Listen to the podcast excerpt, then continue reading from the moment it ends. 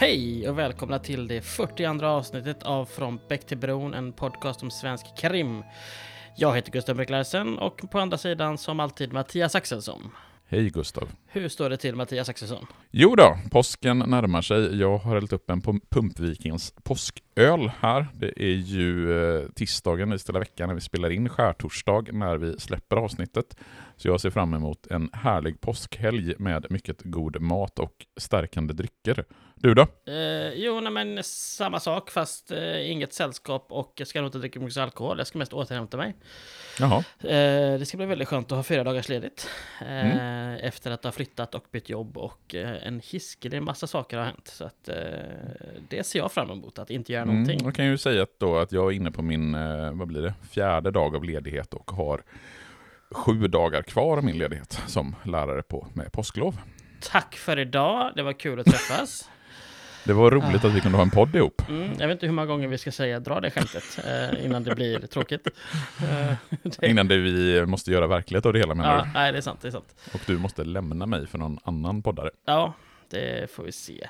Vad heter tisdagen i påsk? Eller det är väl inte påskveckan nu har jag förstått tekniskt sett. Ja, alltså det, det, det, det där kan man ju orda mycket om. Jag har ju alltid med en fas hävdat att det inte heter påskveckan utan att det heter stilla veckan eller dymmelveckan och att det är veckan efter påsk som heter påskveckan. Men sen så när jag tittade lite närmare på det så alla ordlistor anger ju att den här veckan som är nu fram till påsk också kan kallas för påskveckan.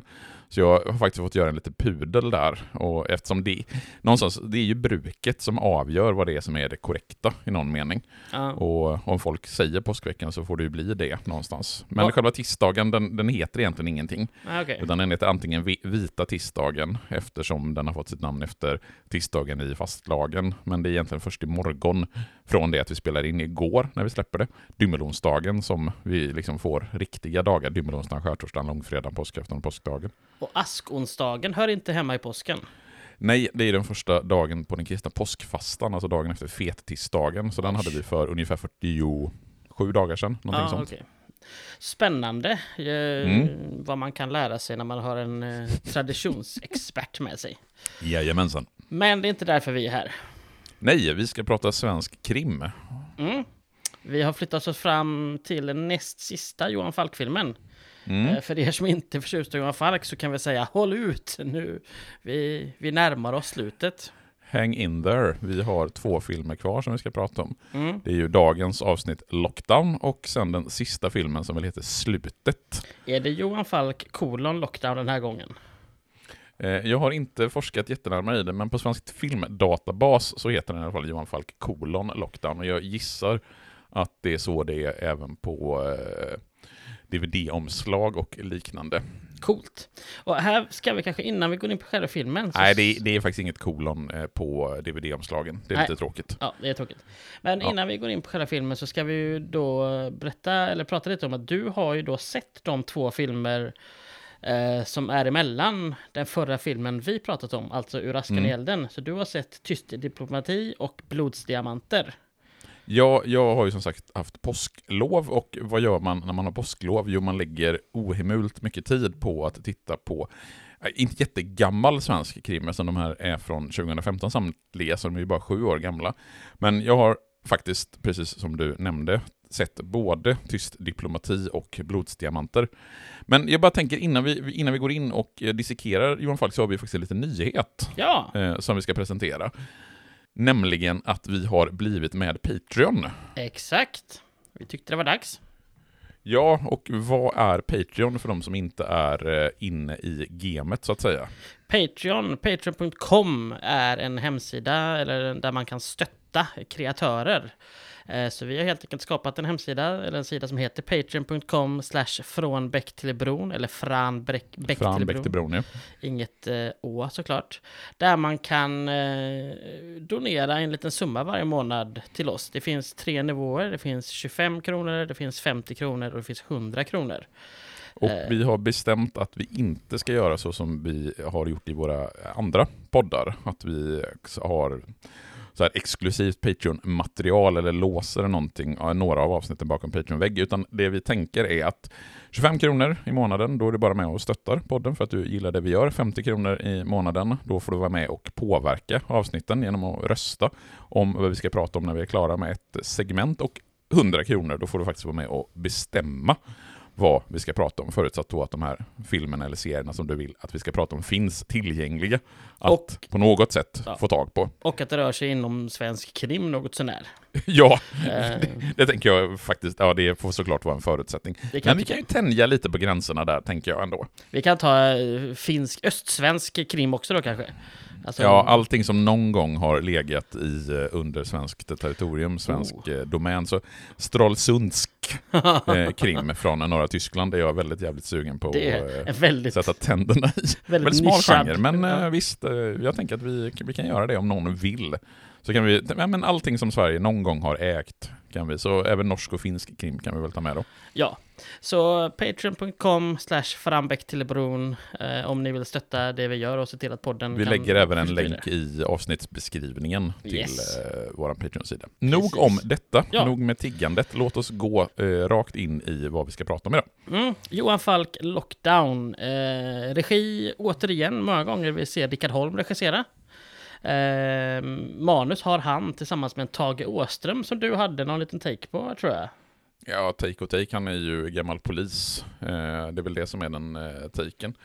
Eh, och att han var eh, på något sätt, jag vet inte om han var chef för, eller om han jobb... Jo, han var chef för SSI, alltså sektionen för särskilda insatser. Rimligen Som det som väl GSI i- bygger på.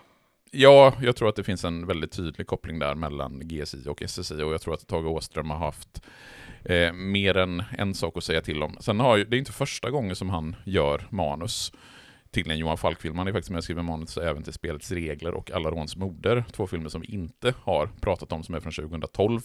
Och även till en av de filmerna som jag såg då, Tyst diplomati, som är i den här tredje och sista säsongen av Johan Falk-filmer. Mm. Ehm, yes. Eh, Anders och Jocke, våra vänner som skapade filmserien från början, så att säga, eh, står med som storyline, koncept och karaktärer. Det vill säga det som jag tolkar lite som en, en svensk variant av showrunner. Så att de har Mm. liksom gett, okej, det här filmserien ska gå från det här till det här. Och däremellan får andra manusförfattare komma och göra sin grej, men inom väldigt tydliga ramar.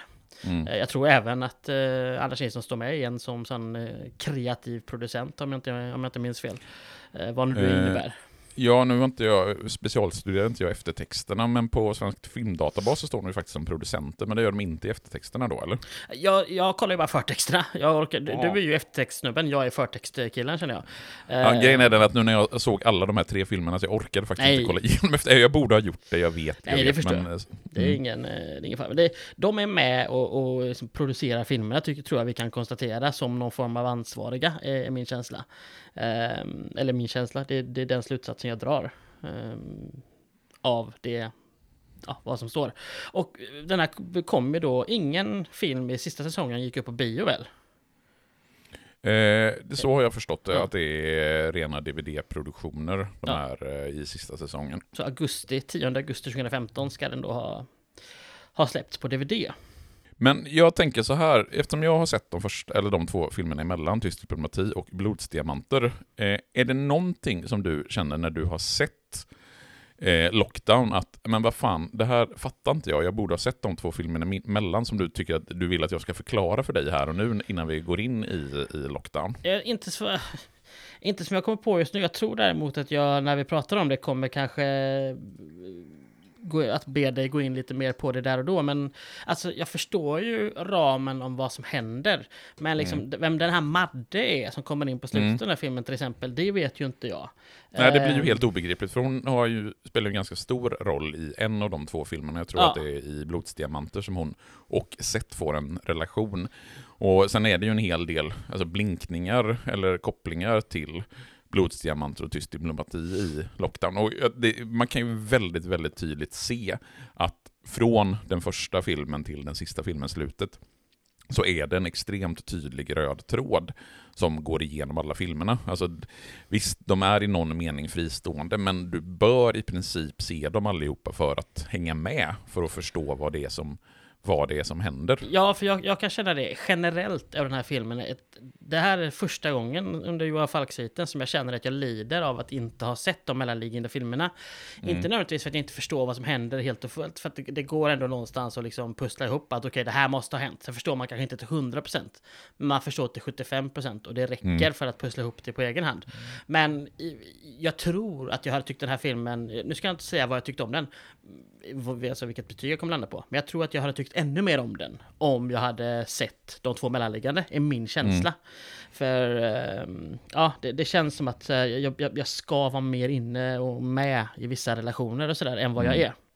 Men det är ju mitt eget jävla fel, så det ja, du har, ju inte, du har ju inte de oceanerna av tid att sitta och titta på Johan Falk-filmen som jag uppenbarligen har. Nej. Men jag tänker, eh, tyst diplomati, den vet ju vad den handlar om eftersom i Wikipedia-artikeln om Ur askan i elden så avslöjas det ju vad den ska handla om och det är faktiskt, det är faktiskt skitroligt. Ja. Eh, för er som inte har lyssnat på alla avsnitt om Från Bäck till Bron så står det alltså i Wikipedia-artikeln om Ur askan i elden så står det Seth gömmer några vapen i skogen som man ska sälja till några i nästa film. Och det är i princip det som nästa film faktiskt handlar om uteslutande.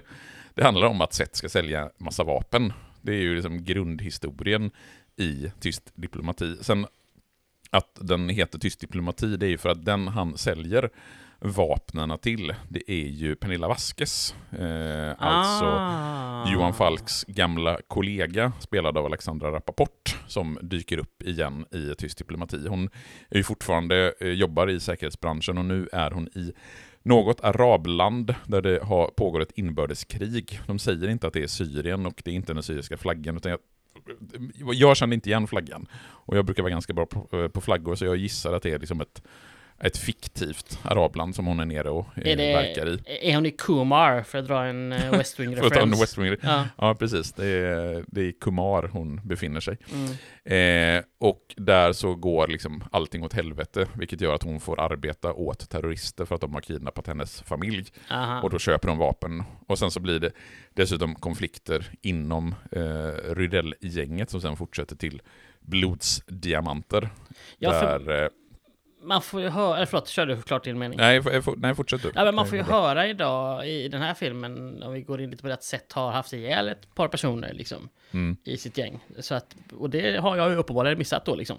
Uh, ja, det är ju ganska många som försvinner i de två filmerna som ja. du inte har sett.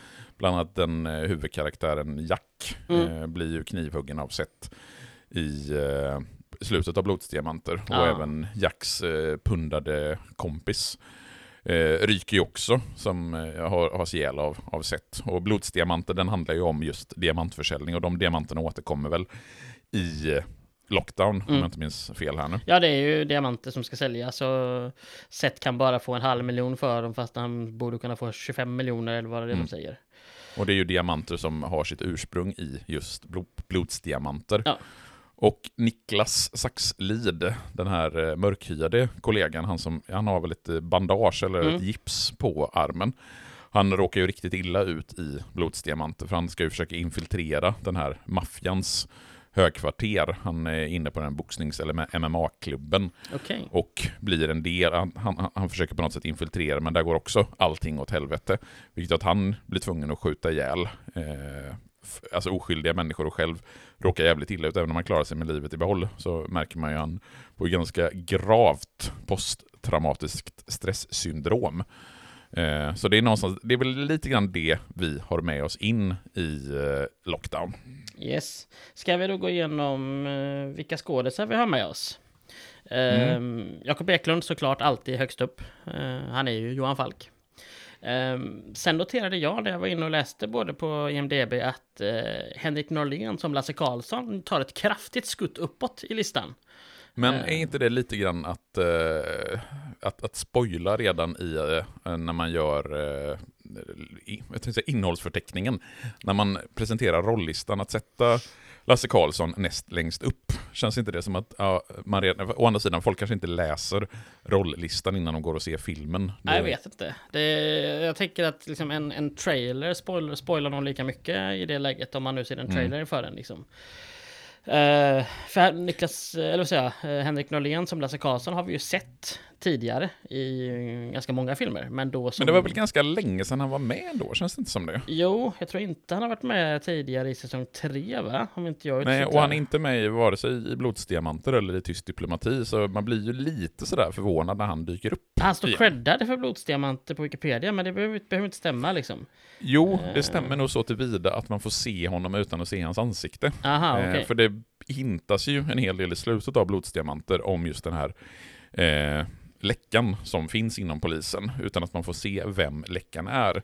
Så jag gissar väl då att det är Henrik Norlén som spelar eh, läckan. Rimligen. Även om, även om man inte då, man, man, ser, man ser inte hans ansikte. Nej. Och det är ju lite intressant, för då skulle det ju innebära att tittar man på Blodsdiamanter och inte har sett Henrik Norlén och sen så ser att han är med i rolllistan så kan man ju utifrån det faktiskt dra slutsatsen att det är han som är källan. Ja, faktiskt. Om det inte är så att de tror att de är creddade i alla filmer för att de var med i några liksom. Kan det, kan det ju vara ibland i tv-serier att någon inte faktiskt är jo, med i ett så avsnitt. kan det vara. Men jag, jag tror nog ja. faktiskt att det är så att han är creddad just för att han, eh, att han spelar med i Blodsdiamanter fast du inte får se hans ansikte. Så kan det absolut vara. Men han Sen ska jag ju säga det att en av de sakerna som jag tyvärr hade lyckats eh, spoila för mig själv, det var ju att det var just Lasse som var eh, mullvaden. Veckan, så jag visste ju redan det, tyvärr. Det, okay. det förstörde lite grann. Det är lite som när jag såg Sjätte sinnet, fast, och att jag redan innan jag såg Sjätte sinnet visste att Bruce Willis var död. Var han död? Jag tänker att du har sett Sjätte sinnet så att jag inte förstör någonting här. Nej, jag har sett Sjätte sinnet ganska många gånger. jag, Nej, jag, en, jag, för, jag förutsatte nästan ja, det faktiskt. Det, det, är en av få filmer med skräckelement som jag kan se. Uh, mm. Eller skräckelement var det till, men läskiga element. Jag gillar inte det. Ja, jag kan ju inte se skräckfilmer överhuvudtaget. Jag tycker inte, Sjätte sinnet är väl precis på gränsen för min del. Ja, men den lilla flickan uh, som sitter under, ja, nej, uh, hon är mm. läskig ibland. Uh, och, ja, nej, usch, ja, nu behöver vi inte prata om det. Uh, men ja, Lasse Karlsson är liksom, han är creddad för hela första säsongen. Men jag har gått in och kollat, och väldigt långt ner i alla liksom. Mm. Sen är han med i Leo Gaut och tror jag, nej, ja. Ja, sen så finns det, det, kom, och sådär. Mm, det kommer ju en förklaring till varför han eh, bli, alltså varför han någonstans hoppar av eller varför han går till, till fel sida. Mm. Och det refererar till någon av de filmer som vi inte har sett i serien. Ja, jag var osäker på om det refererade till en annan film eller till någonting som ska ha hänt före. Men så insåg jag att Johan Falk kom ju in i GC-gruppen i första filmen. Och han mm. är ju med i det som ja, Lasse Karlsson då Nej men det, det jag utgår liksom till 100% att det är i någon av de filmerna som vi har hoppat över. Ja, jo, det verkar det vara så. Vi tar det när vi startar Johan Falk-podden sen vid tillfälle. Ja. Nej, men Alexander Karim spelar ju då Niklas Saxlid. Vi har ju Tornving tillbaka som Agrell. Eh, Jens Hultén som sett. Marie Rickardsson är med igen såklart. Som Helen. Melis Karlje som Sofie. Sen en kille som jag har missat helt att han är med i serien. Men som tydligen var med redan första gången i säsong två. Är ju Johan Hedenberg som Örjan. Mm. En fruktansvärt störig karaktär. Eh, mm. Alltså Ninas pappa. Mm. Eh, som jag fick sitta och gissa mig fram lite. Bara, jo, det måste det väl vara. Eller, men, eller är det en bror till Helen? Bara, men nej, det mm. var det inte. Uh, Nej, det, för det är också sånt intressant, för han, han är ju med uh, i, eller för, för min del så var det självklart att han var Ninas pappa, vilket gör att han, det bör ju ha nämnts i ja. uh, någon av de tidigare filmerna på något sätt. även om han kanske inte är med så är det, för mig var det självklart att han var Ninas pappa. Ja. Men du upplevde inte det som att jo, jag för, du tyckte jo, att det var Jo, jag förstod det ganska tidigt. Men så var det någon gång när de sa något. Att, jag vet inte om det var Mary Rickardssons karaktär som sa något om mamma. Och det, det gick att tolka som deras mamma. Att de då hade, mm. Men eh, så var det inte. Utan det var nog hans eller hennes mamma. Jag minns inte exakt vad de sa nu. Um, men i alla fall, det, det, det, det, var ganska tydligt. Det var bara den här lilla mm, miniledtråden åt fel håll som inte var någon ledtråd som jag snubblade på. Men vem är Johan Hedenberg för dig? Han är ju med, jag kommer inte alltså han är ju två saker. Han är, om det är Skilda Världar eller någon av dem också. Eh, och sen tyvärr är han ju Edvard Engmark. eh, det var skönt att du kunde ta den referensen, även om den är långt före din tid, tänkte ja, jag säga. den är horribel. Jag älskade ju Åshöjden-böckerna som eh, som barn. Jag läste ju dem mm. på låg och mellanstadiet gång på gång på gång. Vi mm. hyrde Fantast, från, Fantastiska böcker. Ja, fyra böcker liksom perfekta för ja, den åldern som jag var i då. Mm. Eh, har faktiskt kvar en där det står tillhör Lindåskolans bibliotek. eh, Fan, god sån, eh, sån god böter du kommer få betala ja, förseningsavgift när du lämnar tillbaka den nu ett par eh, 30 år senare. senare. Liksom. Ja. Nej, fy fanken. Nej, men eh, det, det var ju en katastrofval eh, de gjorde med inspelningen där de tog Björn Nordqvist, den gamla fotbollsspelaren, mm. som ju hade rekord i antal landskamper, åtminstone för svenska. Jag tror inte världsrekord, men i alla fall Sverige-rekord. Mm, eh, hade 115 landskamper. Vem ja. har, vem har ja, men, rekordet nu? Eh, nu är det väl Anders Svensson, eller? Mm, det är mycket riktigt Anders Svensson Och vem, som har det. Men vem tog Björn Nordqvists rekord? Eh, Björn Nordqvists rekord, kan du ge mig årtal på det? 1994. Då är det förmodligen Thomas Ravelli. Det är Thomas Ravelli, han tog det under VM nämligen där. Ja, och sen så gick väl Thomas Ravelli och blev den som i världen som hade flest landskamper. Ja, det var väl diskussion, det fanns någon i något... Eh, typ Saudiarabien. Ja, som påstods ha spelat över 200, men det var väldigt mm. mycket konstiga landskamper där. Det är lite som att Pelé ska ha gjort tusen mål. Jo, jo, om man räknar med alla juniormål du gjorde mm. och eh, träningslandskamper, eller vad säger landskamp, träningsmatcher som var uppbyggda för att du skulle göra så många mål som möjligt. Det, ja det, det, det är lite, beror lite på hur man räknar. Så är det definitivt. Men vi kan åtminstone säga om Björn Nordqvist att 115 landskamper, fantastiskt, men någon skådespelare, det var en banne med inte alltså. Nej, nej. Eh, Åshöjdens, den tv-serien blev ingen Jag tror den, den fanns åtminstone på YouTube ett tag. Eh, jag tror det var där jag såg den. Mm. Eh, väldigt udda och inte så bra. Eh, jag tycker det är roligt för Åshöjden bygger ju på lilla, alltså Åsljunga, en liten ort i, ja men eh, vad blir det, sydöstra, nej nordöstra Skåne. Mm. Och jag åker förbi där varje gång jag ska ner till Karlshamn till min uh, frus familj. Då tänker jag alltid, ja, jag vill svänga in här. Det är tre kilometer från vägen vi kör liksom. Bara in och kolla hur det ser ut, liksom. Förebilden mm. till Åshöjden. Men så har jag alltid fru och barn i bilen och då händer det aldrig. Jag tycker du ska ta lite mer eh, kommandot i din familj, Gustav, och bestämma och peka med, med, med hela handen som en patriark. Jo, det är lätt att säga, men det kommer inte att hända. Nej, det vet jag, men jag, eh, jag kan ju sitta här bekvämt i min, min tron här i Frölunda och peka med hela handen. Eh, Melis ja. Karlje sa vi henne, ja det gjorde vi. Eh, det är ju matte, Selko och Santrac. Jag vill ta liksom Fan. alla här nu vad jag älskar honom ändå. Ja, han, jag tycker han blir skönare och skönare. Fan vad han, vad han växer i den här filmen. Ja, eh, idag får han vara med ute i fält liksom. liksom. Mm, jag gillar det. Mm. Skarpt. Eh, Maria Hörnelius är tillbaka som Franzén. Hon kommer ur pension där. Hon före detta länspolismästaren. Mm. Eh, sen har vi då Malgoritza Plitschinska som ryska kvinnan. André Sjöberg spelar Dick Jörgensen. Mårten Svedberg spelar Vidar. Jag vill säga någonting kort om ryska kvinnan där bara, ja, för oj, att vi har ju refererat till henne som ryska kvinnan. Men jag har ett bestämt minne av att när jag såg den här på SF Anytime, jag fick ju låna ditt inlogg för snål som jag så vill inte jag betala för den, så jag lånade ditt inlogg och hade på undertexter hela tiden. Eftersom jag dessutom är gammal och hör dåligt, så kör jag ju undertexter rakt igenom och då är det ju sådär att man hostar eller eh, den låter. Och i samband med att eh, den ryska kvinnan gjorde något ljud så refererades hon inte som till kvinnan eller hon eller den, utan hon fick någon typ av namn. Men mm. tyvärr så har jag ju glömt, jag vet inte, miss, du, hörde du eller såg du det? Nej, jag hade inte på den typen av undertexter tror jag, så att jag mm. missade helt det. Men eh, ryska kvinnan är hon än så länge här i, det är poddens officiella hållning att hon heter ryska kvinnan. Ja, okej, okay. jag böjer mig för majoriteten. Vi skulle kunna nej, jag orkar inte stoppa inspelningen nu och kolla det. Så, så kul ska vi inte ha det. Nej, eftersom jag dessutom inte vet exakt när i filmen det är så kommer Nej. det ta...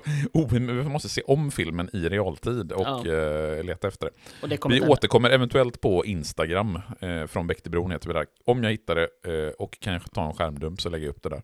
Yes. Hanna Alström är ju tillbaka som Nina då. Uh, och sen har vi två på slutet som ju bara måste nämnas. Och det är ju då VJs advokat som spelas av Karina Jingroth. Mm, Känd från podden. Man. Anna Holts kollega. Ja, just det. Jag, jag, fan att jag inte tog den på uppstuds, det var dåligt av mig. Ja, det tycker jag var dåligt av dig. Mm. Först tänkte jag Karina Lindroth, men sen, eh, nej, just det, Karina Jingroth var det ju. Mm. Uh, och slutligen måste vi också då nämna då internutredaren Magnus Mark. känd från kommissionen. Mm, givetvis fick du in kommissionen också. Då var Jajamän. alla, alla nöjda och glada med det. Han ser väldigt nöjd ut på slutet, den internutredaren. Det är lite läskigt. Eh, ja, vi kan återkomma till det. Jag har en del att säga om honom. Det har det ja. Men eh, Mm. om du ska hisspitcha filmen då? Ja, det är väl något polishus som de stänger dörrarna på för att det har hänt något inne i polishuset och sen så är det typ några gangstrar som skjuter på varandra och någon som sitter i en rättegång någonstans och det blir inte bra någonstans för någon. Fenomenalt. Fenomenalt. Du har sålt in Nej. den till alla. Mm. Känns det som att någon vill se den här filmen efter min hisspitch? Jag tror faktiskt inte det. Jag tror, jag tror att det blev negativt att folk kommer ha, som har sett den kommer ose den Ja. efter den hisspitchen. Nej men jag hade ju någon idé om att jag faktiskt skulle tycka att den här filmen var superspännande just utifrån, eh, ja men nästan utifrån en hisspitch-idé om att polishuset stängs ner, alltså det blir en lockdown för att det blir skottlossning och Patrik Agrell blir skjuten. Och så håller de polishuset stängt tills de griper eh, han som har skjutit, nämligen Lasse, kan vi då redan nu avslöja att det är han som skjuter Patrik Agrell, som det är Lasse som är mullvaden. Och sen använder GSI Lasse för att eh, komma åt den ryska kvinnan och hennes maffiapolare. Mm. Ungefär så. Var lite bättre Lite inspelning. Det bättre, var fortfarande bara två plus, men vad fan. Ja, men ändå två starka plus. Mm. Men eh, det lät, du lät som att du inte riktigt fick det du ville. Nej, nu, nu går jag händelserna i förväg här. Låt oss eh, återkomma till om jag fick vad jag ville eller Okej. vad jag fick. Eller vad jag ville att jag skulle få. Eh, när vi har eh, analyserat sönder och samman filmen. okej. Då kan vi börja med själva introt som ju är en liten överblick över stan. Först är det läppstiftet och Göta älvbron och sen ja, men, generellt Göteborgs centrum. Men har de inte gjort det nästan i varje film i de senaste filmerna? Använt det här, glida in över eh, Göta älv. Det är väl Blir inte sätta... det nästan lite gjort då? Ja, kan man glida in någon annanstans ifrån i Göteborg med liksom en drönare som man väl ändå hade för sju år sedan? Eh, Eh, Man kan väl komma söderifrån längs med E6an. eh, Över Lackarebäck och ja. Liseberg och så tänker jag kanske. är Nej, jag vet inte om det är så jävla mycket bättre. Nej, men för jag har ju hela tiden tyckt att, eh, eller åtminstone de första gångerna som de gjorde, och särskilt givetvis i nolltolerans då det här var någonting väldigt nytt, att man glider in över stan på det här sättet, så har jag ju hyllat intron och tyckt att de varit väldigt bra. Men nu känner jag för att eh, jag, alltså både blodsdiamanter och tyst diplomati, det, det, det är samma typ av, även om det, det är inte exakt samma scener, men det, det, det känns ändå som att, ja, vad fan, det, det är lite gjort ändå. Det är det. Det är lite så att, ah, mm, så kul är det inte. Även om, ja visst, vi, jag vet vad jag ska få när jag, när jag sätter på Johan Falk-filmen. Mm. Ja, men så, det, så är det. Jag, jag tycker det, det är fint och snyggt och det är proffsigt gjort, men det är liksom... För mig var det lite grann, ja ja, sätt igång nu. Och jag är ganska glad att introt var ganska kort. Eh, jag hade inte velat ha liksom en två minuters eh, flygning där alla förtexter hade kommit, utan nu fortsätter förtexterna in på ja, men, de kommande scenerna liksom. Mm. Och det tycker jag var ett, det var ett smart val att inte förlänga filmen med två minuter där, bara för att visa Göteborgs pornografi igen. För det har vi sett. Mm. Eh, men, vi eh, är ja. trötta på Göteborgspornografi. Det Det blir är, man poddens aldrig. officiella, det är poddens officiella hållning. Nu är vi trötta på Göteborgspornografi. Okej. Nej, det är vi givetvis inte. Jag bara skojar, man kan aldrig tröttna på Göteborgspornografi. Nej, kan man faktiskt inte. Men eh, vi får ju en scen här då där någon eh, sitter hemma och kollar på kort på två tjejer, flickor, barn. Och någon rörmokare ringer som han Mm. inte tar. Sen tar han en snus och sen så tar han fram en jävla handgranat. Mm. Och eh, osäkrar, håller mot bröstet och sen kastar han bort den sprängande delen, eller delen som sprängs. Mm. Vad är din eh, analys av den scenen eftersom du inte har sett eh, Blodsdiamanter och Tyst diplomati? Alltså, min analys av den scenen är ju att någon typ inte bara vill dö utan verkligen vill spränga ihjäl sig. Vilket ju är... Ja, För det är egentligen det jag är ute efter. Fattar du redan här att det här är eh, mullvaden Läckan som sitter med sin snus och ska spränga sig med handgranaten? Nej, inte att det är mullvaden eh, som Nej, går för det är ju en sån här grej att har man sett Blodsdiamanter och Tyst diplomati så gör man ju den kopplingen. Just för att en av de sista scenerna i Blodsdiamanter det är att vi får någon, jag kommer inte exakt ihåg hur scenen är utformad, men vi fattar att det är mullvaden för att eh, den här snus, alltså det är en, väldigt, det är en lite speciell snusdosa som är lite lätt igenkännbar. Ja, vi ser ju den man- senare i den här filmen också. Och, och just att vi får i den första scenen efter introt eh, inzoomat på snusdosan, det gör ju att jag som har sett Blodsdiamanter fattar ju, okej, nu är det mullvaden som sitter. Jag vet fortfarande inte vem han är, för vi har inte sett något ansikte på det, på honom. Men jag gör ju direkt kopplingen till att det är mullvaden som sitter där och han försöker spränga sig med hjälp av en handgranat. Och det går ju sådär från, jag vet inte om man... Han ångrar får, sig? Ja, han får second regrets där på något sätt och eh, det vill inte göra det här. Nej. Och det är ett jävla sätt att dö på, att ta sig livet av sig med en handgranat. Ja, jag tänker med facit till han, en polis har ju bättre sätt. Han skulle kunna skjuta sig själv bara med liksom en, sitt, sitt vapen. Ja, vad skulle Eh. du ha valt Gustav om du skulle ta livet av dig? Eh, ja, jag vet inte. Förmodligen något piller som gör att man dör illa kvickt om man får tag i många sådana. Jag har inte funderat på brödrost i badkaret. Nej, det verkar plågsamt och... Det är en sån här eh, personlig favorit som jag någon gång eventuellt skulle, om jag ska ta livet av mig så tänker jag brödrost i badkaret för det är ändå att eh, avsluta livet på ett värdigt sätt. Tänker du att du ska ha bröd i brödrosten? Ja, givetvis två eh, formfranska Ah. som jag sen ska eh, lägga lite marmelad och ost på. Ja, det kommer ju inte hända då. Ehm, Just det, det var den Ja, lilla detaljen. precis. Tanken är ju att jag ska dö där i badkaret med den här brödrosten. det som är värt att notera efter den här scenen är ju att han lägger ju handgranaten på en legitimation. Mm. Och om man stoppar filmen precis i rätt tidpunkt där så går det ju att se att det står Lasse Karlsson på polisläget. Mm. Eh, det, är, det är studdigt och sådär, men jag gjorde ju det såklart. För att jag såg det Mm. här och sen hoppade jag vid till nästa scen och bara, nej men vänta du, där kunde man nog se vem det här var. För jag trodde först att det var Johan. Mm. Ehm, så att jag, där fick jag redan reda på att okej, det var Lasse Karlsson. att Sen kunde jag ju anat det också. Men Mm. eh, ja. För om du inte pausar och du inte liksom stannar till på den här scenen, då, då ser du inte att det är Lasse Karlssons Nej, för det går för fort då liksom. För det går för fort, för jag valde ju medvetet att inte pausa och inte liksom köra den långsamt, eftersom jag visste vem det var. Eller, så här, jag visste ju att det var polisläckan och samtidigt så hade jag ju redan spoilat för mig själv att det var Lasse Karlsson, så jag visste ju att det var Lasse Karlsson, så jag brydde mig inte om att, att pausa Nej. vid polisläget. Så att ser du filmen som det är tänkt att du ska se den, då fattar du, eller då förstår du inte riktigt än att Nej. det är Lasse Karlsson som är mullvaden. Exakt.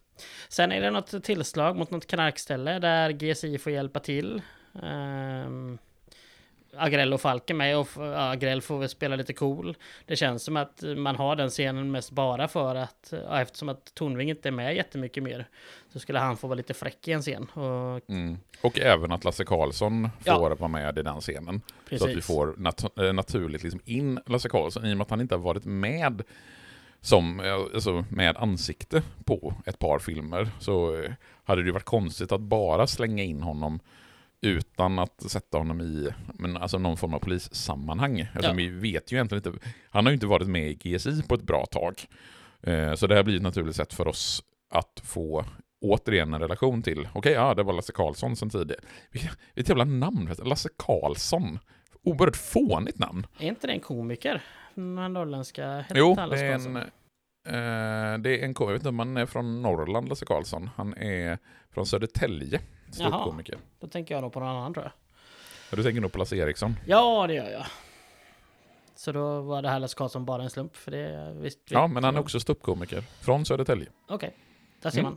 man. Eh, vet du det. här fick, kommer ju den frågan. Va- va- vad är det som har hänt med Sofie? Vad har hon gjort som gör att hon inte är chef? För det förstår man på dialogen här att hon inte är.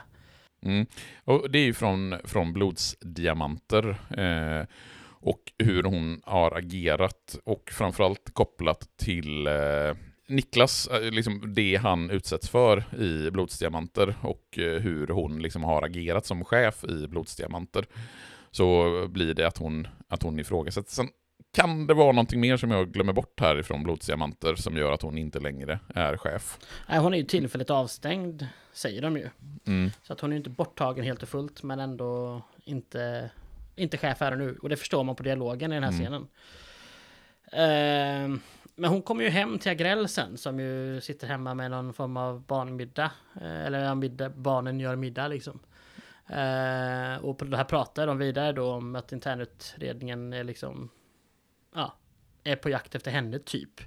Mm. Och att Frank Wagner har skickat in någon stämningsansökan. Ja, det är ju lite intressant att den dyker upp här var utan att vi får liksom något mer kring det. Det hade man ju gärna velat veta, liksom, hur, hur skickar han in, var kommer den ifrån, hur gör han liksom rent från, han är ju fortfarande på rymmen Frank Wagner. Här och lever liksom jag... under, under ytan. Det här trodde jag att ni skulle ha, du skulle veta mer om, men det gör du inte alltså? Det finns ingenting i de tidigare filmerna om just Frank Wagner. Han, hans namn bara poppar upp här i eh, Lockdown utan att det finns någon annan förklaring. Hmm. Tyvärr. Okej, nu blev jag besviken. Det var ju synd. Jag, jag är ledsen att jag behöver göra dig besviken Gustav, men eh, det är inte jag som har skrivit manus till de här filmerna. Det är det inte. Tack och Eh, lov. Ja. Agrell pratar också här om att han eventuellt kan få sin dödsdom imorgon. Han ska till läkaren eh, då. Mm. Ehm, och eh, vi tar scenen emellan där bara först. Sofie pratar med Seth igen. Inte lika mycket sexual tension mellan dem. Men Nej, har det hänt den- något? Nej, tyvärr. Jag hade ju gärna velat se lite goa knullscener mellan Sofie och Seth, men det har vi inte fått se. Även om det har funnits... Ja, det har ju fortfarande funnits en, en, en, eh, en, eh, vad säger man, laddning dem emellan, men den har ju helt försvunnit nu. Den finns ju inte alls med. Hon, Sofie är ju redigt förbannad på Seth Rydell, rakt Ja. igenom den här filmen egentligen. Inte alls glad. Eh, men här, det är ju här vi får höra att Jack och Björkman och Viktor har mörd, blivit mördade. Och det är väl Seth då som har gjort det. Ja, det är Seth som eh, ligger... Jag vet inte kommer inte ihåg om han gör det personligen, men det är åtminstone han som ligger bakom de morden. Liksom han har ju rensat upp i sitt gäng mot de som inte har. För det eh, har ju väldigt tydligt, framförallt i Blodsdiamanter, så är det ju liksom, Seth Rydells gäng splittras ju i två delar med Jack på ena sidan och Seth Rydell på andra sidan och så blir det en konflikt mellan de två delarna av gänget egentligen. Okej. Ja, Och här sen så kommer vi då till Agrells behandling eh, när han sitter och pratar med läkaren. Hur Mm. tolkade du den scenen? Att eh, han eh, skulle gå och få en behandling och att han får en, eh, när de liksom säger det här att eh, vi ska inte göra någonting mer så är det ju att nu avbryter vi behandlingen för cancern är för långt gången, du kommer dö. Ja, Det är ju så jag tänker, och det är så jag tror att man ska tänka det, för att man lite senare ska få där, åh nej, han klarade sig. det tycker, för det tycker jag är... För det var exakt så jag tolkade det. Och sen så tolkade det som, om vi hoppar fram lite här nu, att när han pratar med sina, med Falk och sådär liksom, så, så är det att jo men allt har gått jättebra, den är borta, att han säger det liksom ljugandes. Mm. För det är så jag tolkar det. Men det är egentligen sen när han träffar Lasse, som han, när han liksom entusiastisk Agrell där och kramar och liksom, som jag tolkar som att, nej men vänta nu. Cancern var borta tydligen. Mm. Och för jag menar, hans fru var väl med på det läkarbesöket och hon Ja. säger att den också var borta. Jag tycker, det här tycker jag är konstigt gjort. Jag upplever inte det riktigt på samma sätt, för jag eh, gör ju det, liksom, tolkningen när de sitter inne hos läkaren på Sahlgrenska tolkar jag på samma sätt, men sen är jag ganska snabb med att ändå fatta att ja, det var det beskedet att cancern var borta som man fick, för det är ju liksom det han säger. Och jag tolkar det inte alls som att han liksom säger det för att ljuga inför de andra. Nej, men jag förstår inte varför man då inte bara låter oss höra det beskedet när vi ändå två minuter senare ska få höra Ja, honom. det är ju i och för sig, det kan jag tycka är lite märkligt, det håller jag med om. För, för Det jag, jag tycker att det blir starkare om han blir glad och Mm. verkligen och liksom är sprudlande. För jag tycker inte att han är sprudlande mot Johan och dem. För jag, eller, det kan vara jag som lägger in en tolkning då. Att, Mm. eh, det är så. Men jag tycker han är liksom så här, oh allt har gått jättebra. Och sen ser man i någon blick på honom tycker jag att ja, det inte har gått så bra. Men det är uppenbarligen har jag ju fel där då. För då blir det ju Mm. ännu starkare att han ju sen då blir skjuten. Vilket ju... Ja, men det. det som jag däremot reagerade på, det som jag liksom noterade i mina anteckningar, det är ju att så fort jag eh, som fick informationen om att Agrell var frisk från cancern, så kände jag, okej, nu kommer det hända någonting med Agrell. Okej, du kände så? Det var, liksom, det var min omedelbara reaktion, att nu kommer det hända någonting med Agrell. Eh, sen att han skulle bli skjuten och dö, riktigt så långt trodde jag inte att manusförfattaren ändå skulle liksom gå. För det är ju, även om de har haft ihjäl eh, likable karaktärer, eh, Pappa Skacke, Rest in Peace, så eh, jag tycker att det kom lite oväntat att eh, Agrell blir skjuten. Ja, det tycker jag. För att jag tolkar det ju som att han liksom då ska leva ut sitt liv, om det är några veckor, månader eller år. Eh, och att sjukdomen sen ska ta honom. Det, Mm. Men att han ändå kommer kämpa på. Det är så jag tolkar det liksom. Mm. Så att därför så... Ja, jag, jag var mest förvirrad kring den situationen Mm. här. Så att, eh, ja. Ja, alltså den är väl kanske inte jättebra gjord, hela liksom den sekvensen från det att eh, han får sitt besked på Sahlgrenska till det att han blir skjuten. Eh, det kan jag väl i någon eh, mening hålla med om.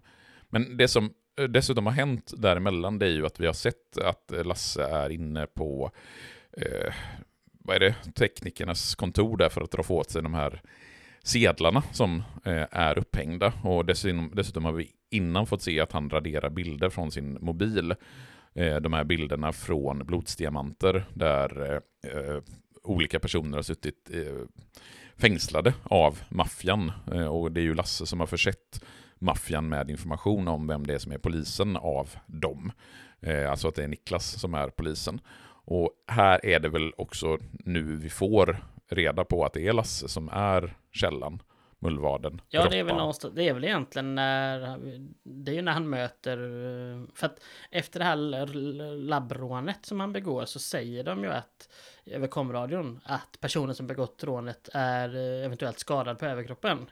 Mm. Och när då Agrell väldigt aktivt kramar Lasse och så får han blod på sin tröja, då fattar ju Agrell.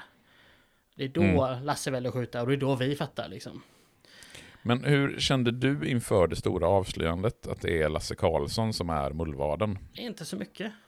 Nej, och är inte det ett ganska stort problem att det är så man känner inför det hela? Ja, men för, för mig är det också så här, jag har ju sett hela filmen utan att tolka honom som mullvad för något jättestort. Eller så här, jag förstår ju det. Men eftersom jag inte har sett alla 18 föregående filmer så mm. är den här mullvadsgrejen inte en så stor del i det som jag bryr mig om. Fast det, borde inte den kunna vara en ganska stor del ändå? Alltså bara utifrån de filmer du har sett så... Alltså, man har ju åtminstone ganska tydligt hintat om att det finns en läcka och att den här läckan med, med polisläggen till exempel och, och andra saker. Alltså det, det som stör mig mest är ju att jag känner verkligen så här bara, när vi kom på att det var Lasse Karlsson som var mullvaden. För honom har inte jag liksom lyckats bygga någon relation till överhuvudtaget. Jag känner bara att jag bryr mig inte jättemycket om det, att det var han som var mullvaden. Nej, nej, jag kan hålla med dig om det. Uh, jag vet inte vem som jag hade gillat, inom citationstecken, skulle vara mullvaden. För man vill inte att det ska vara någon för högt upp som vi känner, för det blir nästan bara fjompigt. Mm. Men vem av de mindre, alltså så här, det skulle vara Dick möjligen liksom, men han har ju också lämnat GSI och är väl på den vanliga polisen sen ganska många filmer liksom. Mm. Så att, eh, jag vet inte om jag hittar Nej, alltså av, av, de, av de som finns där så skulle det kunna vara Vidar eller eh, Niklas. Men det, jag tror inte jag hade känt egentligen någonting annorlunda om det var någon av dem som hade varit mullvaden heller tyvärr. Nej. Nej, um, så att ja, för mig, det är inget större problem för mig i den här filmen. För jag ser den här filmen som ganska fristående, även om fast det såklart inte är det. Men liksom, jag, jag njuter inte mindre av den här filmen för att jag är besviken över mullvadsituationen. Så kan jag säga. Mm.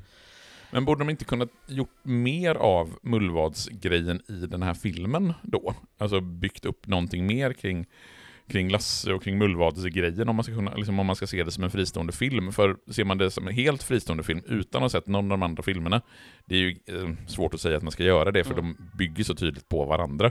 Men ser du den här filmen helt fristående så blir det ju mer eller mindre obegripligt, för då har du ingen relation. Du, du vill inte bygga upp någon relation till Lasse Karlsson Nej. på de få minuterna som är fram till att han blir avslöjad som mullvad. Nej. Nej, och särskilt, ja nej det är också märkligt för att jag tänkte att om man har sett alla filmer tidigare så ska man ha en större relation. Och visst, en lite större relation har man ju till honom, men han har fortfarande en ganska liten roll i de flesta filmerna. Han har inte, sen, han har inte ja, synts har vi ju, i säsong tre mm. tidigare. Nej, sen har vi ju hoppat över en, framförallt den filmen där han nog ändå kanske spelar en större ja. roll. Alltså den filmen där han alltså det som det refereras till i Lockdown. Ja, hade vi sett den filmen så kanske vi haft lite större förståelse för själva skeendet. Jag vet inte. Nej, det är möjligt. Det är möjligt. Men uh, låt oss gå vidare. Vad händer nu? Kan det vara så att det blir en nedstängning av polishuset? Ja, vi ska bara nämna att Seth ska ut och sälja diamanter. Det går inget bra, uh, för att man inte har certifikat. Vi får också se Örjan här som ska lämna en massa papper till Helene. För mig är det här bara, han är bara märklig. Och han mm. pitchar, mm. han, han pitchar ut information till Helen precis i rätt... Alltså han, han, han är för mig lite för dum karaktär för den här filmserien tycker jag. Jag gillar inte honom. Mm. Eh, för att de är hotade men de verkar samtidigt inte eh, ha något skydd. Eh, jag, tycker, ja, nej, jag tycker det är märkligt. Eh, men ja, det blir eh, en... Eh, en lockdown. Agrell möter Lasse när Agrell ska hem och liksom fira med familjen. Och jättekramen sker och blodsfläck. Och det slutar då med att Agrell skjuts av Lasse som ju springer iväg och de har inte några livebilder så att folk vet inte att det är han först. Så det blir en liten katt och råtta-lek där. Mm. Eh, Lasse lyckas få poliser att skjuta mot varandra och det ena med det tredje liksom. Eh, vad tycker du om liksom actionen som sker här i själva lockdownen? Så känner jag kring det. Oj, det var negativt. Ja, nej men det, jag tror att vi, vi kan ju liksom lite grann komma in till det som jag har hintat om, att jag hade ganska stora förväntningar på Lockdown, för jag kände att det här, åh, det här skulle kunna bli spännande, man skulle kunna göra liksom väldigt, det skulle kunna bli väldigt tajt och väldigt intens, och det skulle väldigt sådär, intressant när vi stänger ner polishuset och så är själva eh, actionen inne i polishuset och vi liksom alla är instängda och så vidare. Men jag fastnade aldrig riktigt. Jag, jag kände verkligen inte sådär att åh vad spännande, vad ska hända nu? Och jag sitter liksom inte och biter på naglarna eller sitter på tårna, utan jaha, okej, okay, mm, nu händer det. Liksom, det, det jag, jag, känner verkligen väldigt, väldigt lite för eh, allting som händer inne i polishuset under själva nedstängningen.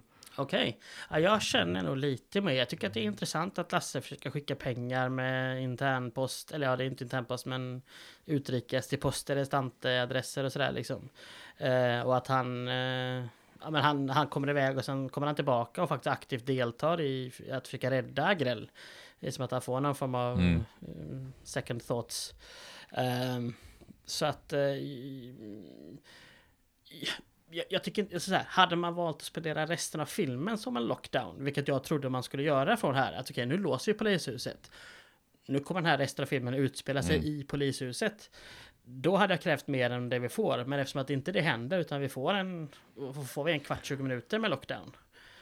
Um, så tycker jag ändå att det görs helt okej. Okay. Det är inte liksom på något 5 plus. Eh, Nej, men jag tror att det kan handla om just att jag hade nog ändå någon idé om att eh, liksom, i princip hela filmen skulle handla om att polishuset var nedstängt och att eh, merparten av filmen utspelar sig inne i ett nedstängt polishus och mm. det som händer där och då. Men nu blir det så, liksom, det blir så snabbt avklarat, det blir så Alltså, det blir bara pumpad action hela tiden. Det hinner liksom aldrig byggas upp några mellanperioder eller byggas upp någon, någon spänning kring det, utan det, det, ba, det skjuts och det springs och det hoppas mellan eh, olika våningar i huset. Så jag hade gärna sett att de hade gjort någonting annat, någonting mer och dragit ut på det. På, och det kanske låter motsägelsefullt när jag säger att jag inte gillar själva lockdown-scenen, att jag vill ha mer av det. Men jag, jag, tror att det hade vunnit på att man hade gjort det på ett annat sätt. Att det hade liksom på något sätt varit lite olika säga, dramaturgiska nivåer i det som sker inne i polishuset. För nu är det liksom bara pumpad action rakt igenom hela tiden. Mm. det blir aldrig det här, liksom, vad ska man säga, man hade kunnat vänta längre med att Lasse blev avslöjad till exempel. Ja, absolut. Men det kan jag också tycka. Det här har varit en... Ja, men det, det, det finns ju den typen av actionfilmer som utspelar sig på i kontorskomplex eller sådär. Mm. Där liksom folk sitter inlåsta i rum och det finns kidnappare som håller dem fast och hit och dit. Förhandlaren är ju en mm. sån film. Ja, det är ju Kevin Spacey tyvärr. Men också... Är det Denzel Washington? Nej, vem är det? Jag minns inte nu. Uh, någon, någon mer känd skådis som gör den andra karaktären. En förhandlare som tar folk gisslan liksom. Eh, den har ju lite det liksom att folk är placerade i olika rum och inlåsta och det ena med det tredje liksom. Eh, där är det ju en, en Ja. Samuel L. Jackson är det. Det Samuel L. Jackson? Fan vad långsam jag är på googla insåg jag. Ja. Men, det var Samuel L. Jackson och Kevin Spacey som spelade i Förhandlaren från 1998. Ja, det är ändå en, det, det är en tight film som utspelar sig liksom i ett confined space liksom. Mm. Eh, men Falk och Matte tar ju via digitalt reda på vem som är den skyldige. Och eh, Johan eh, misstänker först Dick, men ja, den här telefonen som de lyckas få numret till ringer inte när Dick, ja, när han är med Dick så att säga. Utan Nej men det är också sådär att det, det, det, det, det där går alldeles för snabbt. Alltså, Dick är misstänkt i typ tre minuter ja, och sen ja. så får Johan reda på att det inte var Dick. Så det hinner liksom aldrig bli någon spänning kring det hela. Nej, och frågan är, hade det gått att göra ett sätt där vi inte vet vem som är den skyldige, alltså att vi inte vet att det inte är Dick? För att för oss är det inte det minsta spännande. Nej, det kan, kan ju vara det också, att vi redan vet att det är Lasse som är eh, läckan, mullvaden, den skyldige. Mm. Att det är det som gör att det inte blir så intressant. Sen, sen ja, lider ju, för min del så lider ju av att jag redan från början visste att det var Lasse. Och det får jag ju skylla mig själv, att jag spoilade det för mig själv. Det får du faktiskt. Ja, Men shame on me, shame va- on me. ja, varför skjuter inte eh, Lasse Sofie? För att jag tror inte att han... Eh, han, han sköt ju inte Agrell medvetet. Sådär att det var ett överlagt, utan det var nog mer att han gjorde det i stundens, i stridens hetta, eller vad man ska säga, oöverlagt. Okej. Och att han under tiden har hunnit tänka, han vill liksom inte ha... Jag tror att han genuint eh, ångrar att han sköt Agrell. Och att han inte vill ha fler liv på sitt samvete, det är därför han inte skjuter Sofie. Okej. Det är Ja. så jag tolkar det i alla fall. Ja, men så kan det vara. Men efter en eh, stunds katt och råttalek här, eller ja, inte jättemycket katt och råttalek, men de är lite kulvertar över mot Ullevi-trakten och tillbaka, så, så griper de ju Lasse. Mm. Vilket jag förvånades över, för jag trodde ändå att han skulle lyckas fly och liksom där hålla sig i stången längre i, i polishuset. Men istället blir han ju, ja men det är ju Kron som delger Lasse till misstanke om mord och att han erkänner, men han kommer inte säga något mer. Det, är Eh, skönt, det är ju skönt att vi får eh, Kron, att han eh, får Ja. sina 15 sekunder i den här filmen. Jajamän. Och här är ju internutredare kommissionen då och vill, han vill ju på något sätt få Lasse att hinta om att han har gjort de här sakerna på grund av sin tid på GSI typ. Alltså han Mm. vill ju sätta åt GSI är ju ganska uppenbart. Ja, det är ju sån här klassisk när man eh, använder internutredare som eh, de dåliga poliserna, de som vill sätta dit de bra poliserna. Mm. Eh, för vi ska ju genom filmserien ha förstått att vi ska gilla och tycka om och heja på GSI, trots att GSI använder sig av okonventionella, ibland gränsande till olagliga metoder, medan internutredare Ossian då vill sätta dit GSI och eh, eh, framea dem för det de har gjort, att han då försöker använda sig av Lasse. Och han kommer ju även fortsättningsvis att försöka liksom fiska efter den typen av information. Och det är ganska tydligt att Ossian har som någonstans sitt eh, mål, sitt mission, att han ska sätta dit GSI. Yes. Och apropå um, ja, svajiga metoder så får vi ju här början på de här hovrättsförhandlingarna med VJ Khan. Vad tycker du om den storybågen? Eh, ska jag återigen lägga in det här snarkljudet som jag gjorde när jag eh, skulle förklara hur jag tyckte om Lockdown? Ja, för så fuck jag hålla med dig. För det här tycker jag... VJ Khan, jag vet inte, har vi sett honom ute någon gång? Vi har inte gjort det, men han har gjort det i filmserien antar jag. Ja, det, jag tror att det är jag ganska säker på att vi har gjort i några av de filmerna som är säsong två. Han eh, refereras ju till och är ju med i några av de andra filmerna. Men vi har inte sett honom ute. Och för oss så blir han ju en helt ointressant karaktär. Ja, full, fullkomligt ointressant. Eh, men Seth och den här skallepär-snubben är i alla fall på, på rättegången och Seth hittar ett sätt att kommunicera med VJ om diamanterna, för det är tydligen han han har snott dem från då, eller? Mm. Ja, exakt. Det är ju egentligen VJs diamanter. Ja, och det går sådär för Seth som knäcker en spegel med pannan för att han inte får det han vill, typ kan man säga. Så som man gör. Har Mm. inte du också knäckt en spegel med pannan någon gång, Gustav? Nej, jag tror faktiskt aldrig jag knäckt en spegel överhuvudtaget. Jag är besviken på det. Ja, det är ju omanligt. Det får jag ju skärpa till mig med. Eh, Sofie och Falk besöker också Lasse då i cellen och Falk vill ju plåga Lasse med att spela upp övervakningsfilmen när han skjuter Agrell. Men de får inte så mycket ut av honom, eller? Nej. Det Nej. får de inte. Och sen är det tillbaka till den här jävla Örjan. Ska vi Du eh, gillar verkligen inte Örjan alltså? Nej, jag ska- märker en, eh, en viss aversion från din sida mot Örjan. Ja, ja men han är... Just det här. Jag, jag stör mig mer på karaktärens uppbyggnad. Att liksom... Ja men han, säger saker. Jo men det här namnet har jag sett vid något tillfälle. Mm. Men det kunde du sagt förra, förra gången du träffade Helen. Så hade vi sluppit göra de här sakerna liksom. Nej, men han är ju uppenbart inte helt hundra. Han är ju lite, lite korkad. Ja. Visst är han det? Och jag tycker inte att det passar in i liksom... För Helen beskrivs... Och visst man kan väl göra dumma saker som ungdom. Men hon beskrivs som en väldigt kompetent och smart person. Mm. Så Vad har hon någonsin sett i Örjan? Visst, det, man Mm. kan ju ligga med personer och sen råkar det bli barn. Men det, ja, jag vet inte om det är så vi ska se på relationen. Jag, ja, Jag tänker att det är hans väldiga mandom som har eh, lockat henne till sig. ja, du har sysslat med kungar och krig för länge.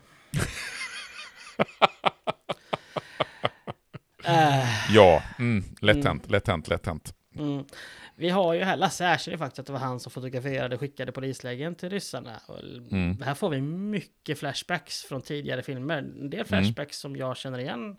Många flashbacks som jag inte känner igen. Det är ju Mm. de här...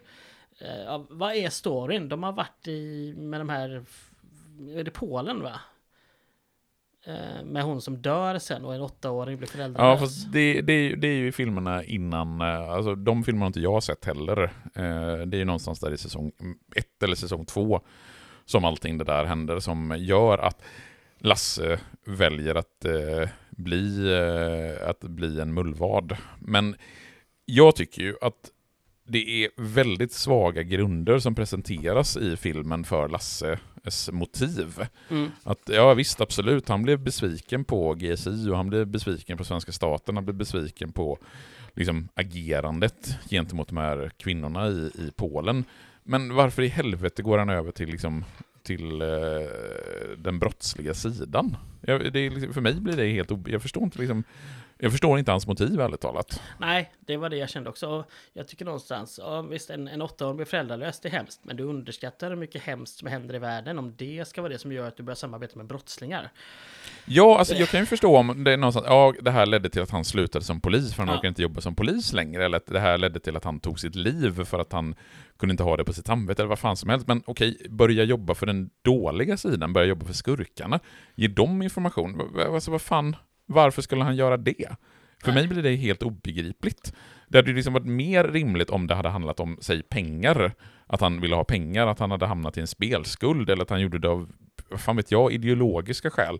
Svårt att se de ideologiska skälen, men, men någon typ av motivering som hade bottnat i mer än att han var besviken på hur polisen jobbade. Ja, Varför ska han gå över liksom till skurksidan för att han är besviken på hur polisen jobbade? För mig blir det helt obegripligt. ja, nej det är jättekonstigt. Jag inser ju här också att mina anteckningar blir ju kortare och kortare och bittrare och bittrare ju längre filmen går. För det, det, det är lite för mycket Örjan. Ehm, och det är lite för mycket rättegång här ett tag. Och Mm. då är det inte mycket rättegång och det är inte mycket Örjan, men det är för mycket av båda.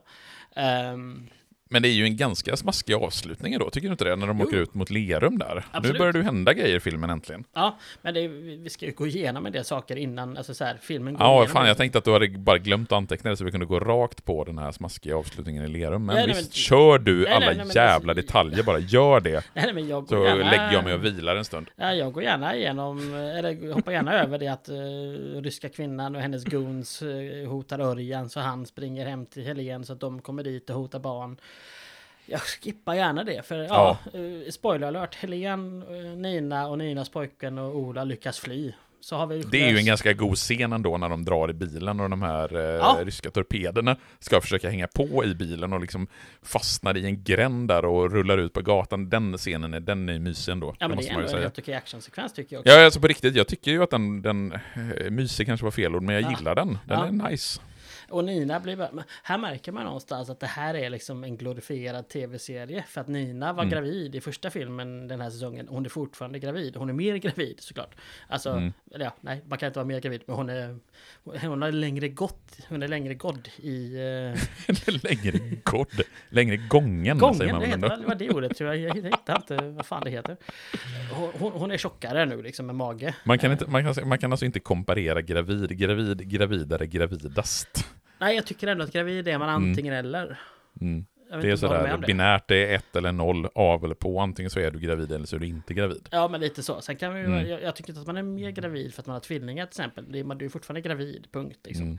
Men, eh, Men det har ju inte gått, eh, ska man väl i och för sig säga, jättelång tid mellan filmerna. Alltså de utspelar sig ju ganska tydligt ganska direkt efter varandra. Mm. Jag kan ju inte säga att det har gått jättemånga veckor från första filmen till... ja, några månader filmen. baserar jag på hennes mage liksom. Ja, Alltså, och varför blir det så då ologiskt att hennes... eh, nej, att hon nej. inte... Nej, nej, jag säger inte att det blir olagligt. Tvärtom, det, det, var inte så jag menar. Jag menar bara att här förstår man att det här är verkligen en, en tv... Här borde man se alla filmer. Är det det jag menar? Ah, okej, nu fattar jag vad du ja, menar. Nu fattar jag vad du menar. Jag tänkte att du menade att det var ologiskt, att det var det Nej, som nej, gjorde nej. att det var... Nej, Nej, nej men då är jag med. inte. Utan det, det håller. Då liksom. släpper jag det och så klipper vi bara bort mitt bladdrande vid något tillfälle. Nej, vi ska, Eller så gör vi inte när det. du för en gång skulle säga dumheter så ska vi ha med det. det... Ja, vi låter det, vi lägger det som Patreon-exklusivt extra material. För vi lovade att vi inte skulle ha. Ja, de gånger Mattias säger dumheter, det blir 30 Mm. sekunder. Det... Mm. Bra, bra content är det ändå. Ja. Det viktiga någonstans här är att Franzén, alltså som är temporär chef för GSI, tillåter Falk och gänget att de ska ta Lasse till eh, häktningsförhandlingarna. Mm. Det blir liksom en viktig detalj bara här liksom. Eh, för Johan börjar prata med ryska kvinnan och det han försöker erbjuda är att han, hon får Johan mot att hans DNA raderas. Mm. Och här tycker jag det görs, eh, nu helt, helt ärligt, nu hoppar vi så mycket så jag vet inte vad jag är i mina anteckningar. Men någon gör den här poängen att, ja men varför skulle hon gå med på det? Mm. Och Johan lite väl enkelt bara, jo men hon har också någon ovanför som sätter press liksom. Mm. För mig känns det, nu känns det som att jag pratar ner den här filmen en hel del, men för mig känns det som att, fast den bilden jag har av ryska kvinnan är att hon är ganska autonom, visst hon har säkert en chef sådär, men att hon ändå liksom har rätt mycket mandat att göra sin Mm. grej här. Och att hon inte Mm. skulle sätta sig i någon dum situation för att hon har någon chef någonstans i Estland eller Ryssland. Eh, utan att hon faktiskt skulle, ja, jag vet inte, förstår du vad jag är ute efter? Jag förstår vad du är ute efter. Det var ingenting som jag, jag kan säga att jag reagerade jättemycket på när jag såg filmen, men nu när du säger det så visst.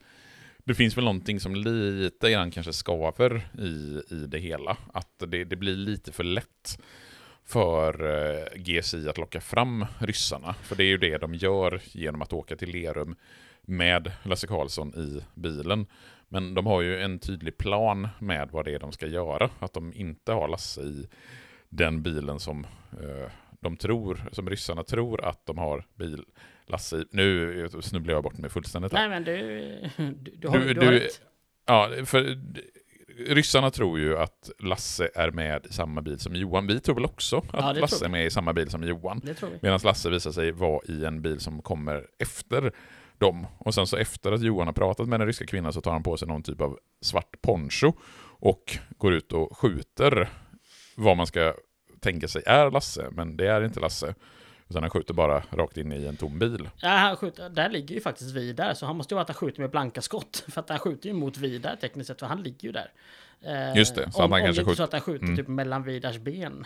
för att, Det är ju eh, ganska kaxigt att göra det i ja. så fall. Eh, det hade det varit. Ehm, men, eh, och för här märker man ju att det är väl Dick som sitter i andra bilen. Va? Han förstår Mm. vad som händer och den random polisen som sitter där förstår också. Medans Lasse förstår inte för att han ser inte. De tror ju att det är någon annan, att det är en ryss Mm. som kommer och skjuter. Det är Mm. det så poängen med att eh, han tar på sig ponchon, Johan. Ja, för att de ska lura Lasse. Ja. Att ryssarna vill skjuta Lasse. Eftersom de då... Lasse ska tro att ryssarna tror att Lasse är i den bilen och Lasse ska tro att Johan i poncho är en av ryssarna. Ja. Så det är ju Lasse de försöker lura genom att ta på Johan den svarta ponchon. Ja, Och varför vill de lura honom? Ja, för att de eh, vill väl att han ska eh, inte vara lojal mot ryssarna längre. Nej, för att han ska eh, prata i gen- rättegången, är så jag tolkar det. Ja. Jag ville bara, det var en retorisk Mm. fråga. Mm. Eh, gud vad långt vi hoppat fram, vad skönt. Eh, Mm. För att innan det här har det varit lite dialog med ryska kvinnan och Johan och det... Ja, det händer inte så mycket egentligen. Sen blir det lite pang-pang. Matte är ju den som får gripa ryska kvinnan, vilket är roligt. Att han får komma ut och göra lite hands-on action. Ja, och det är, jag älskar ju hans agerande i den här scenen. Och det är ju flera gånger som han faktiskt får liksom visa att han är duktigt förbannad. Och, eh, få, för han har ju varit ganska mycket en bifigur som har varit i bakgrunden Ja, han som, som tekniker. Han är ju datakillen och tekniken. Men här får han ju vara med ut på fältet och lyckas ju med den äran, tycker jag. Mm. Jag tycker att han lyfter som tusan i de sista scenerna här i Lockdown faktiskt. Absolut, jag tycker han, eh, han gör det väldigt, väldigt bra. Eh, när han har gripit ryska kvinnan så kommer ju Mm. Sofie. Mm. Vad vill Sofie göra där? Vill hon ha ihjäl ryska kvinnan? Eh, Det är så jag tolkar det och det är så jag upplever det. Det är så jag tänker att det är det hon vill göra. Mm. Att hon går rent på känslor som den kvinna hon är. Medan då Matte är den mer rationella mannen och tänker lite mer logiskt och strukturerat. Han Det är ser- poddens officiella hållning. Okej. Han ser ju verkligen förbannad ut på henne för att Mm. hon liksom... Ja, men han, han låter ju inte henne utan hon slår sönder lite bil istället. Så får hon ur aggression i den vägen och det kan väl vara skönt att få göra. Mm. Eh, Men Sofie kanske inte behöver mörda fler bad guys än vad hon redan har gjort i filmserien. Kan man ju, kan man ju tycka. Man kan ju tycka det. Sen har jag eh, noteringen tillbaks till den ointressanta jävla rättegången. Eh, men Ja. det, det blir ju inte, för det Absolut. måste vara två rättegångar här eller? För att här anländer ju, det, för det, det är ju inte, det är ju häktningsförhandlingen. Det är ju som jag missade först att det är inte då de kommer till. För att Mm. Dick anländer med Lasse till häktningsförhandlingen. Ja, det tog, det tog faktiskt några sekunder innan jag fattade det också. För jag, jag tänkte ju att det var till VJs rättegång som de skulle plötsligt slänga in Lasse. Mm. Vilket det det ju... inte. Nej, nej, det nej, precis. Utan det är ju häktningsförhandlingarna för Lasse som... Men innan jag gjorde den kopplingen så, vad fan ska Lasse till VJs rättegång att göra? De kan ju inte bara slänga in honom som ett vittne bara helt random. Nej, jag undrade också Men det. eh, sen inser jag att, eh, precis, det är ju inte samma rätt, det är ju två olika rättegångar. Eller det är ju en häktningsförhandling och en eh, vanlig rättegång. Sen kommer ju det som jag kanske tycker är roligast med hela filmen. Det är när internutredaren är uppe och pratar med Franzén. Och hon Mm. bara försvarar hur transporten av Lasse går till. Bara, han lämnade aldrig bilen. Det tog Mm. kanske lite lång tid, men det har gått snyggt. till. Det är Ja, snyggt. för Då här- gillar man henne, man gillar Franzén i det läget. Ja, att hon ändå står upp för det. Trots att hon egentligen kanske inte vill eller tycker att det är rätt och riktigt. Så eh, Mm. står hon upp för det de gör där. Det, ja, där växte hon liksom. Men också att hon är sån. Det är samtidigt, hon gör det på paragrafryttarstilen. Att bara, nej, Mm. han lämnade faktiskt aldrig bilen. Transporten har gått till precis som den ska. Bara enligt alla riktlinjer. Så bara, okej då, det har den ju faktiskt. Varför Eh, började du prata någon form av småländska när du skulle göra Franzéns röst? Nej, det var nog bara att jag höjde rösten och då blir det... Om jag höjer rösten blir det småländska, om jag sänker Ja, så blir det mycket större. Du, hon, hon lämnade aldrig bilen så, som, som jag gjorde där. Det, Om jag ska försöka aldrig- sänka min röst så blir det mycket större, tycker min fru. Då Ja, hamnar jag här nere. Så Ja, att, eh, ja. jag, inser, förstår. ja, jag har min... Det är antingen Micke Stare eller eh, typ Kristina från Duvemåla. Är de två röstlägena då. Jag töjar inte längre. Jag töjer inte längre Karl-Oskar. Ehm, Ja, ja. Helen ringer Johan och säger att hon kommer försvinna några dagar. Och han åker dit och försvinner med dem. Lasse i arresten hänger sig. mm. Domen mot VJ Khan verkar rivas upp. Men det gynnar ju inte honom. för han dör. Mm. I I, fängelset eh, sitter han och spelar fängelset. kort. Men en snubbe kommer fram så uppenbart zigzaggar fram mot VJ. Set says hello. Och slår ihjäl honom. Eh, så där... Jag har skrivit fyra punkter om filmens slut här. Oj! Ska läsa upp dem. Eh, VG dör. Lasse hänger sig i cellen. Johan laddar puffran. Internutredarna lägger pussel. Ja. Det är typ så filmen slutar, tänker jag. Det och att de har en liten minnesstund inom citationstecken för Agrell har jag med. Just det, Agrell har dött. Mm, precis. Och att Madde Den kommer lilla in här. detaljen. Mm, just det, Madde och Seth eh, kommer ju faktiskt in här. Som blir helt obegripligt för dig då, Ja. tänker jag. Ja, nej jag förstår. Det är det här liksom. Genom att ha sett så pass många av filmerna och att man vet och, liksom, och att förra, jag visste att förra hette Blodsdiamanter så kan man göra en koppling att okej, hon har varit med på något sätt här och liksom snott någonting från sätt får vi märker vi liksom. Men att, eh, och att de ändå har någon form av, för det finns ju en sexuell tension mellan dem också liksom. Så att eh, även om jag inte förstår exakt vad som har hänt så förstår jag ändå the bullet points liksom. Mm. Eh, men ja, och sen är det väl den avslutande är ju då som sagt att intern, internutredaren kollar på en vägg och försöker, ja, men försöker lägga en polisutredning i princip. Liksom, fast det är med poliser och ja, internt liksom. Och han ser lite nöjd ut. Han har kommit på någonting. Och vad är det han kommit på? Han har lagt ett pussel. Fan vet jag. Jag Nej. har inte sett den sista filmen, så jag vet inte riktigt vad som kommer hända i slutet. Nej. Det känns som att vi gick igenom filmen kort här, men det... Det var Eh, det, var väl, det var väl att vi eh, speedade upp där på slutet för vi tröttnade på rättegångar och allt möjligt. Ja, för, men det var ändå, för, för det var ändå ganska liksom straightforward eh, filmens Mm. handling här liksom. Om man då undviker hela jävla Örjan-debaclet. För han lever ju fortfarande och kommer, jag vet inte ens om han kommer med i sista filmen, jag hoppas inte det. Men det skulle vi du säger, han lever ju tyvärr. Ja, men han hade kunnat, det hade varit så jävla roligt. För han ska ju springa ut först där från Helens. Och springer, går ju ner på bottenvåningen och sen går han upp igen för att springa ut på någon bakgård. Det hade Mm. varit kul om han bara typ hade hoppat ut ifrån ett sluntigt och landat med huvudet före liksom. Och att han dog på det klantiga sättet. Det hade jag tyckt Mm. var festligt. Det hade varit kul. Ja, nej, kul åt dig. Men du fattar. Jag stör mig lite på den karaktären. Jag tycker den är Nej, malplacerad. det har inte, det tycker inte det, det har inte framkommit. Kan Nej. du utveckla det, Gustav? Nej, men det är ju poddens officiella hållning att han är onödig för, eh, Mm. för livet i stort. För livet är stort alltså. Ja, Oh, fan. Det var, det var eh, radikalt. Ja, men om vi ska ta en sammanfattning då. Eh, Mm. Vad fan räknaren är på noll för mig. Mm, men han har ju släppt helt det där med att säga vad fan, känns det som. Ja. Han, han har vuxit som människa och som eh, skådespelare, kanske. Ja, och det är ju katastrof är det. Det är ju katastrof. Fullständigt eh, värdelöst är det. Nej, men vad tycker du om filmen generellt? Eh, jag tycker så här att jag hade ganska höga förväntningar på filmen. Det tror jag har framkommit redan. Ja.